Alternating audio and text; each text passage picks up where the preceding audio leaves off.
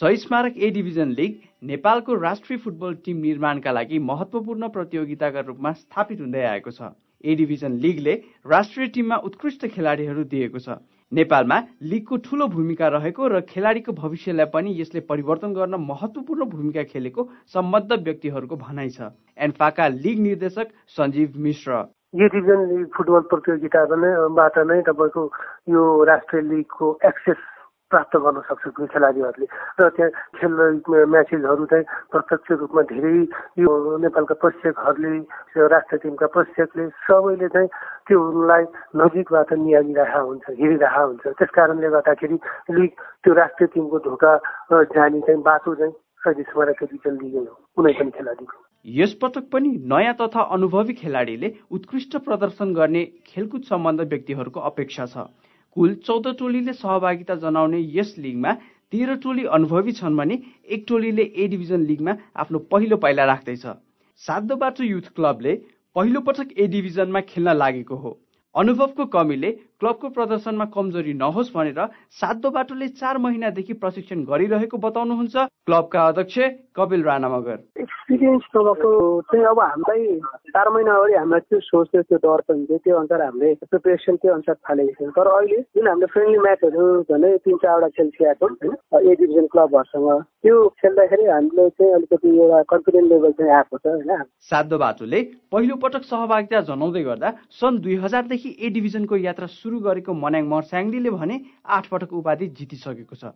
यस पटक पनि राम्रो तयारीका साथ नौ पटक उपाधि जित्ने लक्ष्यका साथ मैदान उत्रिने मनाङ मर्स्याङ्दीका व्यवस्थापक मिलन गुरुङ बताउनुहुन्छ। यसपालि त हामी एकदम नौचोटि जित्ने नै लक्ष्य बोकेर हिँड्दा छ। स्ट्राटेजी भन्दा त अब हाम्रो खेलाडीहरू सबै अहिले सबैजना आइसक्नु भयो। हाम्रो अफ्रिकन कोच फुजा तोपे चाहिँ आउनु भएको छैन। आउँदै हुनुहुन्छ उहाँ पनि। अब छिट्टै आएपछि चाहिँ अब लगभग हाम्रो सबै कम्प्लिट हुन्छ।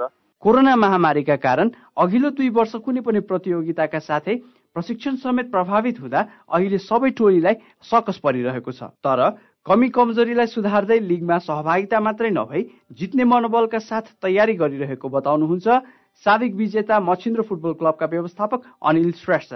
कति खेलाडी त दुई वर्षदेखि खेलेको छैन। जति फर्ममा आउनु पर्ने छ त्यति फर्ममा चाहिँ नि देख्दैन नि खेलाडीहरू। यो वर्ष पनि हामी अब लिग च्याम्पियन हुने गरिरहेको छु नि। प्लेयर्स नेमहरू हेर्दा पनि जम्मै हाम्रो मच्छिन्द्रको एटाकिङ गेमै हुन्छ क्या अब। लिगको उद्घाटन खेलमै अनुभवी टोली फ्रेन्च क्लबसँग प्रतिस्पर्धा गर्ने सात बाटो युथ क्लबले भने विजय सुरुवात गर्ने अपेक्षा राखेको छ।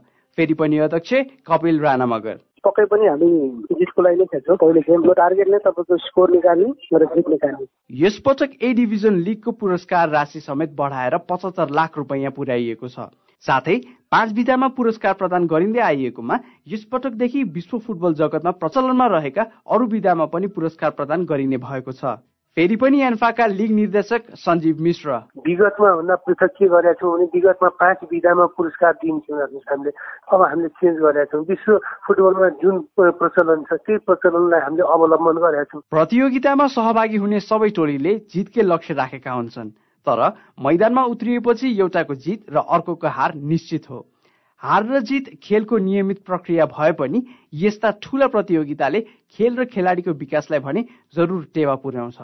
रेडियो क्यान्डिडका लागि एसएन्स श्रेष्ठ।